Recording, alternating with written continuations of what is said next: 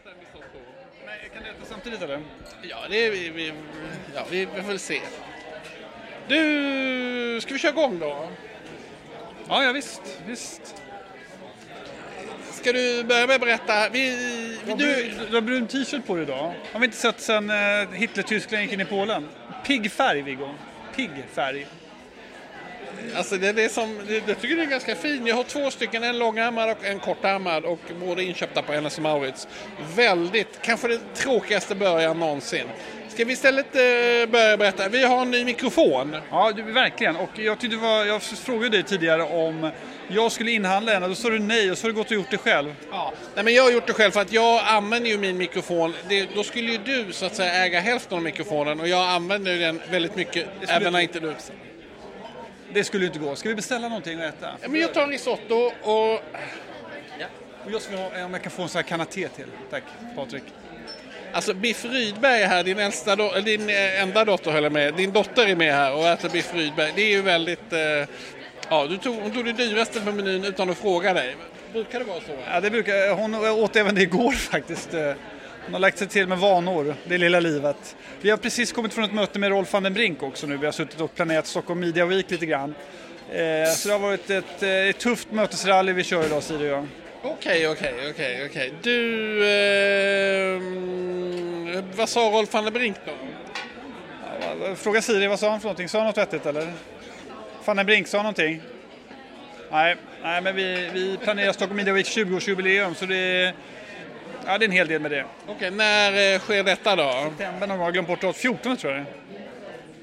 Du, har du något ämne du vill ta upp eller ska jag börja prata? Nej, men eh, prata på du, du är så duktig. Ja, men jag... Vad hette det? Jag vill säga då att jag hade tänkt prata om den nya tv-serien Tre kvinnor som handlar om boken, eh, som bygger på boken Tre kvinnor som handlar om tre kvinnor i USA. Men jag för, tror nu att det, vi ska bli så pryda här av detta när eh, din dotter är här. Så att det, handlar om tre kvinnor och deras sexliv. Väldigt intressant. Men jag uppmanar dig att titta på ett avsnitt. Ska jag följa det? Vad var SVT sa du det? SVT Tre kvinnor. Den fick lite ljummen kritik eh, i... Tre Eh, kärlekar, Lars Molins Tre kärlekar. men här, det handlar mer om... eh, Det, det är ju liksom... Det, det, ja, det, ja, den är väldigt, väldigt intressant tycker jag. Jag har läst boken och jag tyckte väldigt mycket om den. Det var Björn Ahlén som introducerade den i Sverige. Han intervjuade författaren.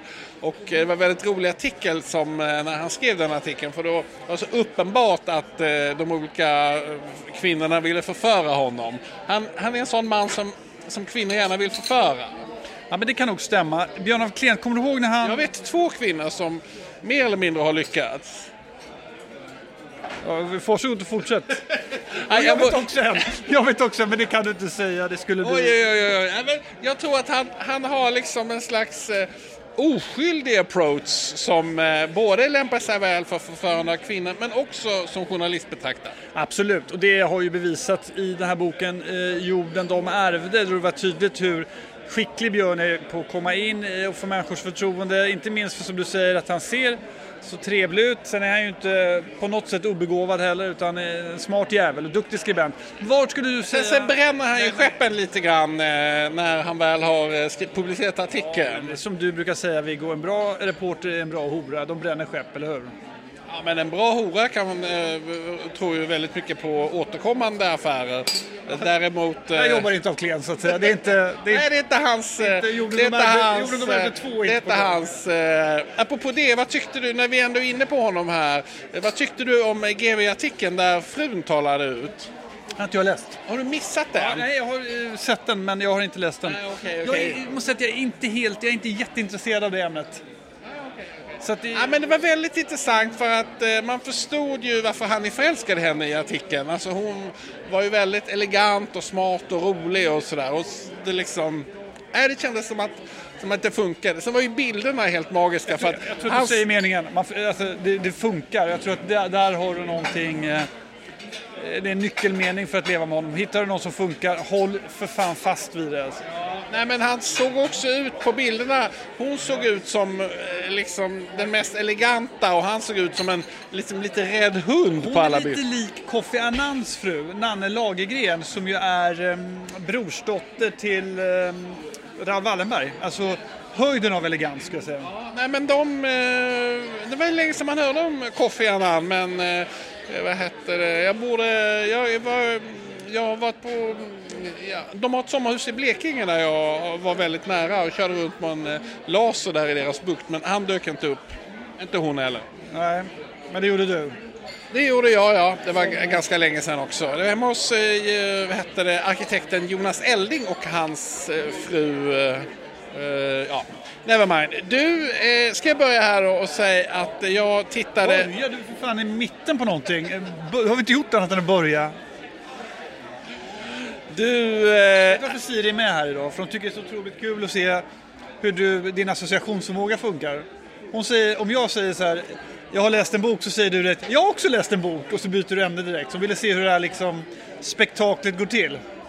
Jag tycker du har bevisat det rätt bra, fortsätt nu. Okej, ja, men jag... eh,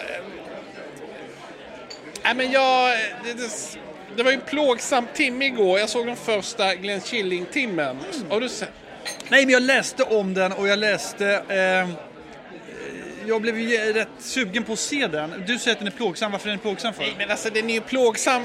För alla vi som var med på 90-talet så var ju eh, Glenn Killing och de här människorna som var där, de var ju som, det var som Svenska Akademin för en hel generation. Det vill säga de styrde och kontrollerade eh, allting. Det var liksom, om de sa att något var bra, då var det bra. Om de sa att något var dåligt, då var det dåligt.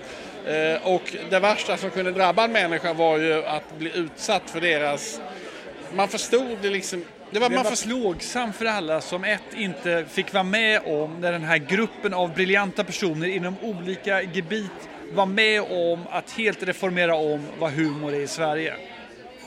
Det Ja. var plågsamt för er som ville vara med. Jag gick ju fortfarande på i, eh, äppelknyckarbyxor i Motala så jag kunde inte riktigt eh, aspirera på det. Men, och jag ska inte säga att jag ens i början förstod allting utan det gjorde jag i efterhand. Men, men ingen förstod egentligen någonting. Eh, nu kan man säga då här 25 år senare försöker de förklara lite vad de höll på med.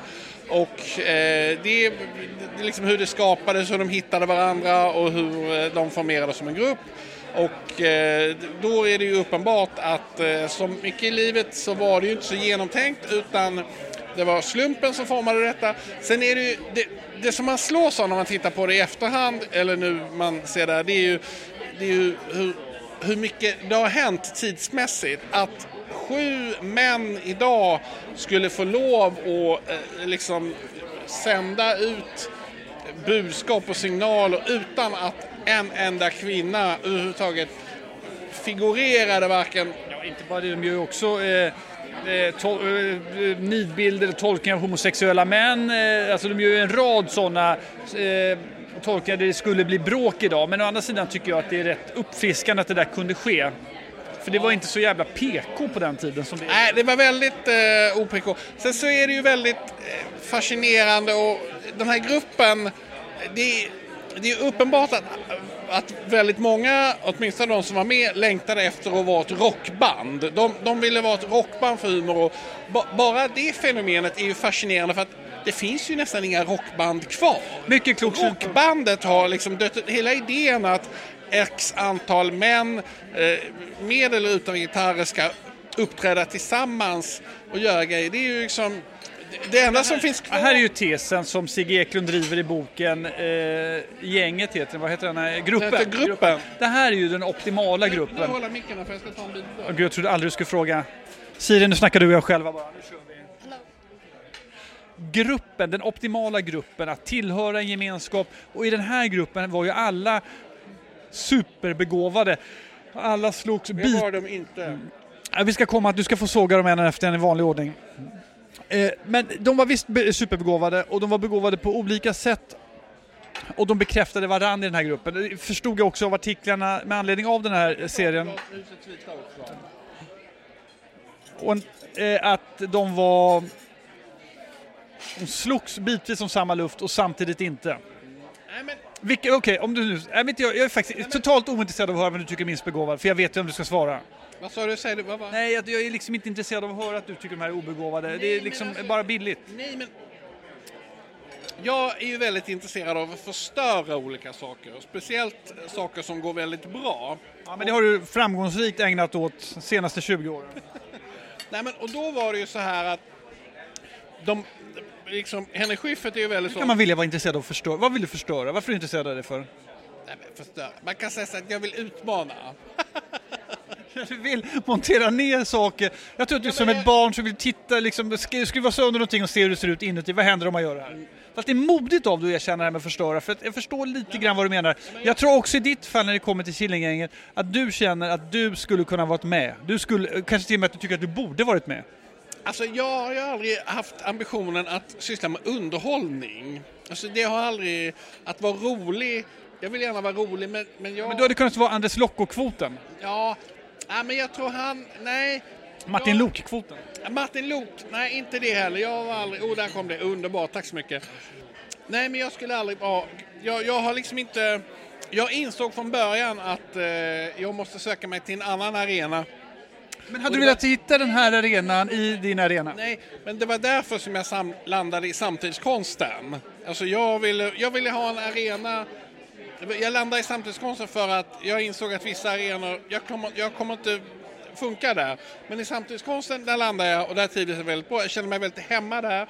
Och jag kände mig fortfarande väldigt hemma när jag kom in på en konsthall eller ett Du är, det har inte med det, du är en solitär.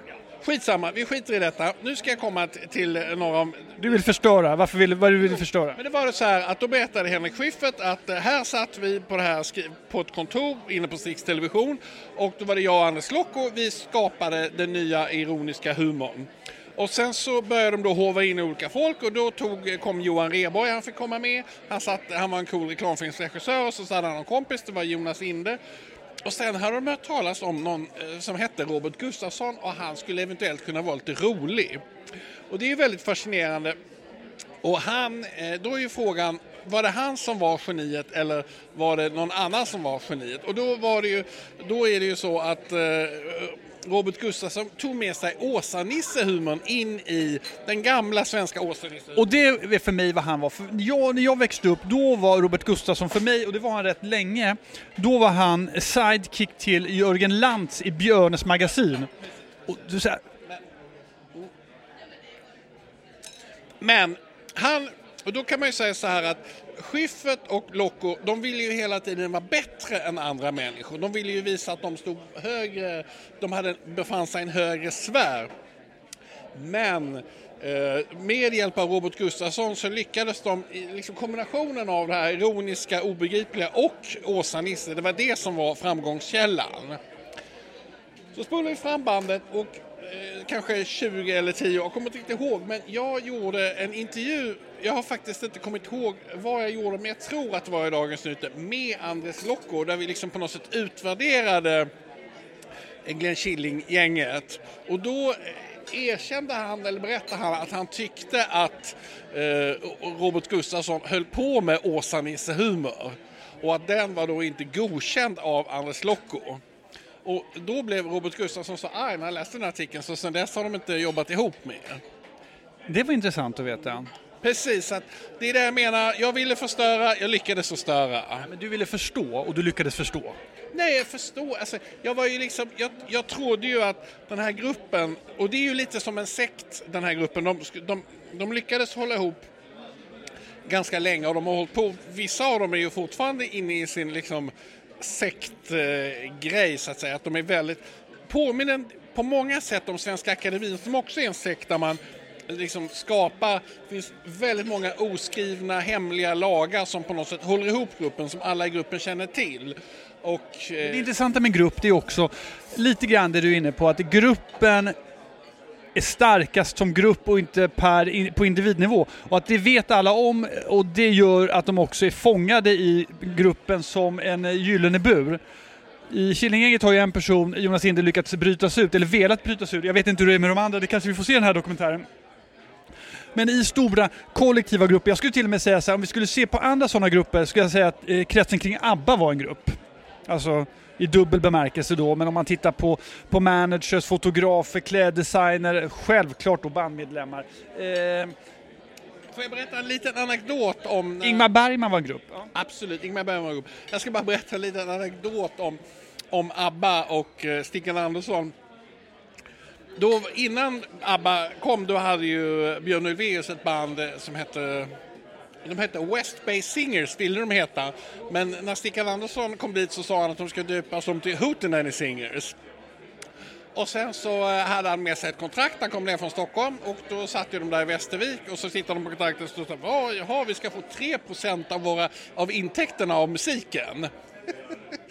och då satt de och tittade på det och så tänkte de, ja, undrar om det är bra eller dåligt. Så gick de till den lokala skivaffären och frågade, hej, 3% är det okej? Okay? Ja, det var ingen som hade någon aning. Ja, då skrev de på det och så fick eh, fick då eh, Stickan Andersson 97% och eh, de i Hooten Singers fick 3% Fyra bokstäver, geni.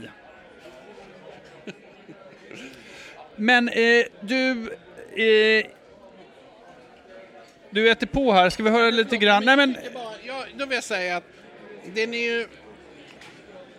Ja, den är ju väldigt fascinerande att titta på för oss som var med på 90-talet. Samtidigt som man känner ju verkligen Humor är ju verkligen ingenting som åldras med värdighet. Det är ju något plågsamt att titta på. Och eh, det som är roligt i stunden är verkligen bara roligt i stunden och sen så går tiden och sen så... Men det här beror på att du själv har sett det här så många gånger, att du ser det här med den åldrade, eller äldre då, Viggo Kavlings eh, glasögon. Jag tror inte alls att det är på det sättet. Jo, men alltså, vem sitter och lyssnar på gamla Hasse Alfredson, Lindemann eller sådana grejer? Alltså humor är en färskvara. Charlie Chaplin Ja, det kan fortfarande vara lite roligt. Så det går bra, men det, det bekräftar ju tesen. Det, det, där handlar om vad du själv tycker är tråkigt. Jag tror aldrig du har kunnat förhålla dig till Killinggänget på något annat sätt än med ren och skär avundsjuka. Ja, men så absolut, det är det absolut viktigaste förhållningssättet till alla de där människorna. Varför är det så? Nej, men för att eh, de var de de, de kom ju... på någonting och de lyckades med det. Och sen har de inte misslyckats med någonting alla som är nära den här gruppen människor har blivit och blir fortfarande framgångsrika. Den här gruppen män, ska vi säga. Många av den här gruppen är väldigt begåvade och gjort väldigt roliga, bra grejer. Kan du säga någon som har misslyckats? Jonas Inde har ju inte, är inte klassens ljus.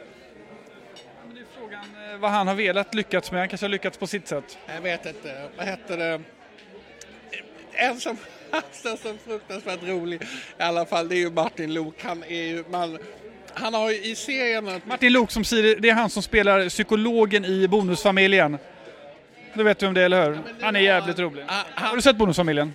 Ja, men jag är lite olika, ja men absolut. Jag bara, men nu här så har han, alltså han har ett jättestort svart glasörhänge i ena örat, alltså som en, ser ut som något som hör hemma på 20-talet. Alltså, han ser så jäkla rolig ut. Sen var det ju en väldigt rolig eh, sekvens där de, han berättade då att de inte skulle jobba med Magnus Uggla när Magnus Uggla var i rummet. Det var ju också väldigt eh, Nej, det var väldigt, det var väldigt speciellt.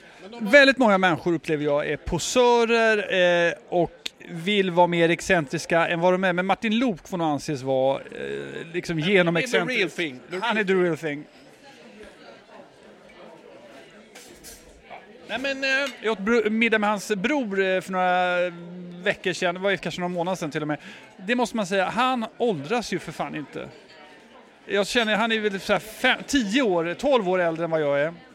Men liksom, jag känner mig ändå som jag skulle vara 15 år äldre än honom, både i klädsel och eh, uppförande. Pratar vi om Christian Lok nu eller? Alltså, precis.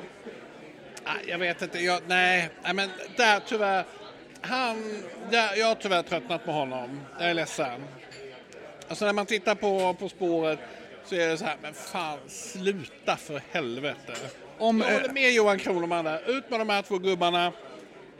In med Hanna och hon den Ina. Lite fräscha brudar, lite... Och sen så... Hanna skulle ju aldrig... Skulle Hanna vara programledare eller domare då? Alltså jag älskar Hanna men det är ju inte... Det är ju inte... Det är ju inte sannolikhetens prägel att hon skulle... Hon skulle ju både ställa frågorna och eh, svara på det samtidigt. Alltså Om du och jag fick frågan och var med På spåret, skulle vi svara ja då? Ja, men alltså, jag tror tyvärr att det skulle gå käpprätt åt helvete. Ja, jag är lite inne på samma linje, men det var fortfarande inte frågan, ska vi tacka ja eller nej? Ja, men alltså, vi, vi, kan, vi har inte förmågan att tacka nej. Varför skulle det gå dåligt för? Nej, men alltså, vi kan ingenting. Eh, och där tror jag att min... Eh, men om det skulle vara sådär... Frågor om olika flygbolag eller reklambyråer, då skulle vi gå jättebra för oss. Men, Siris mamma har ju vunnit kontrapunkt. ja, nej men alltså, det... Gör man inte hur som helst. Nej. Nej, Får höra nu tuggan. Nej men förlåt, jag vill inte ha... Okej, ett annat gäng, eller grupp. Grupp är ett mer spännande ord än gäng. Grupp. Eh, Siri och jag var igår och även i förrgår på bio och såg Edvard af nya folkhems actionkomedi Ett sista race. Är den bekant?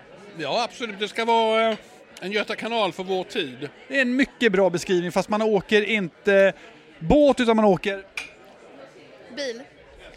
genom Sverige på ett sätt. Och jag tycker att Edvard af Sillén är en mycket klart lysande stjärna just nu som på något sätt är hälften Colin Nutley, hälften Lasse Åberg för att ta den typen av liksom, referenser som vi växte upp med som ja, lyckades få till det här roligt, eh, roliga dialekter, rolig igenkänning, rolig landsort och festligt. Det är lika festligt som när Hans Iveborg om namnet Om det ringer en klocka. Nej, det ringer en klocka väldigt långt bak någonstans. Var producenten eh, och regissören som gjorde först den första Martin Beck-filmatiseringen Rosanna, där vem spelade Martin Beck? Carl Gustav Lindstedt. Nej, det var Bo Widerbergs. Nej, eh, eh, Hans Iverborg tog sig an detta, så var det innan Bo Widerberg och då spelade KV Hjelm, en ung och nyförälskad Martin Beck. Okej, okej, okej. Sen, innan dess hade han gjort en lättporrfilm och sen skrev han in sig i filmhistorien för evigt när han är mannen bakom Göta kanal. Okej, okej. Och det här är som du säger, det här är ett, ett vår tids, nästa generations Göta kanal och han gör det på ett utmärkt sätt. David Helenius spelar en av huvudrollerna och vet du om David Helenius är motsvarighet till för att fortsätta med denna eh, promenad genom Memory Lane? Han är vår tids Magnus Härenstam. Ja, det kan man nog säga. Jo men folklig programledare, eh, skådespelare. Ibland säger du så smarta grejer i podden och då blir jag som lite chockad. Och då kan jag inte riktigt smälta det. Då byter du ämne. Nej, men jag vill bara säga att det är svårt att ta in din begåvning ibland. Och eh, nu är Billy här. Här kommer Billy Andersson, Resumés tunga namn.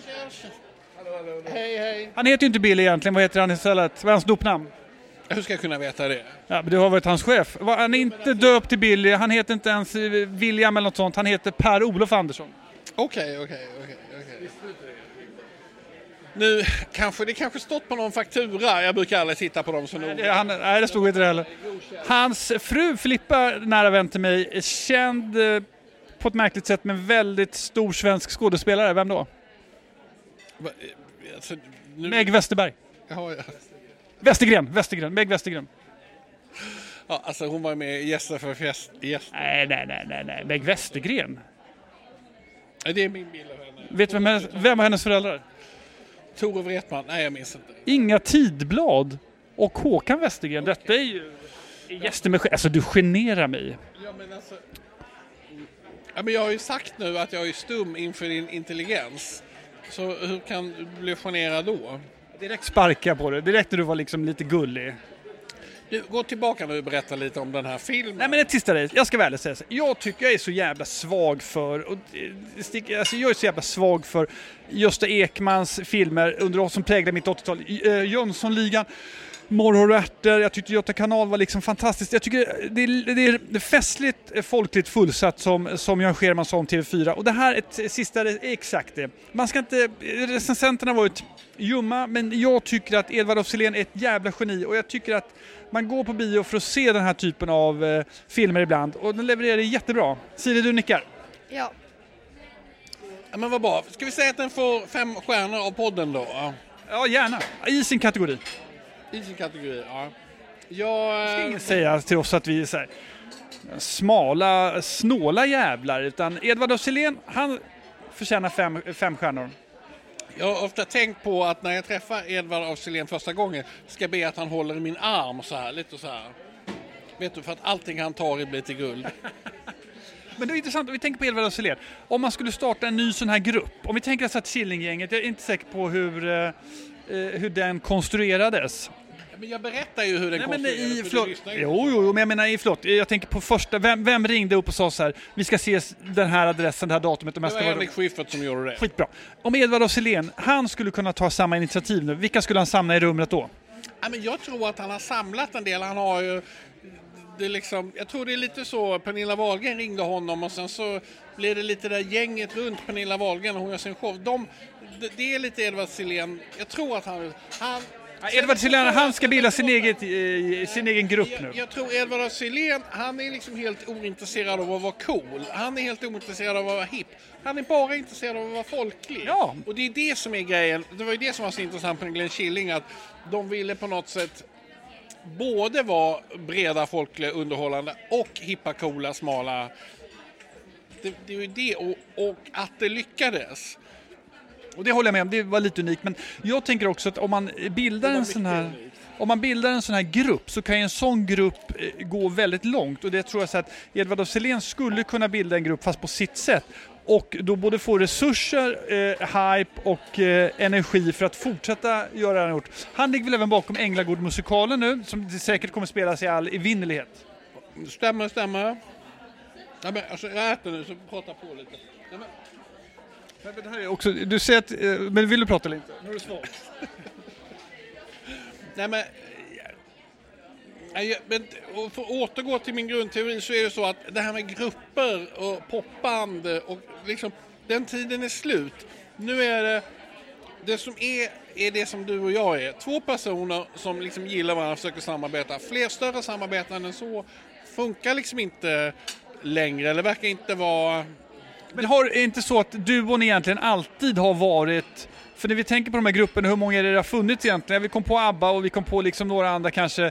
Men, men i ärlighetens namn så är det som du säger, två personer kan samarbeta men kommer en tredje in så blir det fraktion. Ja, fast jag tror ändå att själva idén det här med att eh, ett gäng killar träffas, någon tar på sig en bas, någon tar på sig en gitarr, bildning bokstavligen eller kanske bara, och så, så liksom gör de någonting ihop, liksom, som ett litet fotbollslag eller ett handbollslag. Alltså den, den konstellationen, det, det, det sättet att samarbeta, det har ju ebbat ut. Eh, Det är allt färre som har detta. Man står inte ut helt enkelt. Nej, alltså det är svårt och det- blir liksom också, det blir, det- var ju liksom, när Bruce Springsteen, Bruce Springsteen var ju först i något band och sen så, så tröttnade han på de andra för han ville bli världsstjärna och de andra ville typ eh, gå hem och ligga med frun efter, efter spelningen. Så då blev han liksom sitt eget band och sen så skapade han E Street Band han liksom anställde dem. Och då vet jag att det var någon basist som hörde av sig och det var så här, Bruce, jag vill ha bättre betalt. Så sa han, vet du vem som är den basist i, i, i USA som får bäst betalt? Nej, gå och titta i spegeln, sa han. Alltså, så han lyckades, men han- han, var, ju- höll ju med järnhand. Men det är ju briljant att göra av en artist som Men honom. Och hålla bandet separat, se- separat för sig själv. För det betyder Ulf Lundell har gjort samma sak. Ja, ja, absolut. absolut. Sen så var ju han, man kan säga att Ulf Lundell var ju i ett band med Kjell Andersson, sin gamla producent och de andra och så. Men han tröttnar ju på dem nu och sen dess har ju Ulf Lundells musik gått från att vara medioker till att bli helt ointressant. Ja, men det är Ulf Lundell... Undrar om det kommer ett vardagar, är det tio som kommer i år? Ja, alltså jag har börjat läsa, jag kan läsa så två, tre sidor. Det är djupt fascinerande att någon annan orkar läsa mer. Jag läste trean. Jag köpte den och läste den. Jag kan nog tänka mig läsa den senare också. Den var rätt gammal. Däremot så jag... Det är Fra... som, jag tror, har man, gör man ut, det är som han där Knausgård också. Gör man en sån tjock bok och så, så lurar folk att läsa den första. Då sitter de fast den, då fortsätter de Ja, men så är det. Så är det. Det är ju liksom, det är som att ge dem, först får de väldigt lite tunt heroin och så bara skruvas upp, skruvas upp och så sitter Ja, men nu kommer Marianne eh, Lindberg De Geers, eh, eh, ehm, jag tror fjärde dagbok. Jag tror den kommer i februari, ser jag otroligt mycket fram emot. Siri och jag var på, eh, på Joe and the Juice eh, på, i Götgatsbacken i veckan och då kom jag på att tänka att det är här Marianne brukar köpa avokadomackorna till, till sig själv och Karl Johan. Ja, det stämmer bara det. Hon... Jag är fast i liksom hennes sätt att tänka så fort jag kommer över Slussen. Okej, okej. Nej men jag, vi var ju ganska bra kompisar eh, förr i tiden faktiskt, jag och Marianne. Jag hade ju faktiskt, eh, jag hade ju, när jag skulle göra min första podcast, då eh, tog jag kontakt med henne och hade flera möten och diskuterade om vi skulle göra en podcast eller inte. Men det slutade med att, eh, ja, jag tror inte vi, vi kom inte vidare helt enkelt. Men, eh, och- då ringde jag upp eh, Dominika och så gjorde vi podcast istället. Det här har du redan berättat en gång. Har jag redan berättat det? Avsnitt tre. Fredrik af Klerker gick förbi här. Kommer du ihåg honom? Absolut, absolut. Jag börjar följa honom på Instagram. driver en framgångsrik podd där han har utsett mig till epitetet den som bär, eh, eller den som bär epitetet Karlaplansjägaren. Det vill säga Sveriges svar på det man i London kallar för Sloan Ranger. Okej, okej. Ja, nej men... Eh, Inga bruna t-shirts där inte. ja, nej, ja, nej men han... Eh, jag, jag tycker det var väldigt... Jag kommer alltid tänka på honom när han eh, recenserar, eh, vad heter det... Mm, vad heter han som hade programle, programledaren, eh, norska Skavlan? Han recenserar hans strumpor i, eh, i, i något inslag och då, då var han liksom, han äcklades av att han såg kött mellan byxan och strumpan. Det här är typiskt Claes Britton. Eh, Claes Britton har ju det här vad han kallar för eh, stilpolisen rycker ut eller något sånt. Ja. Du, nu känner jag...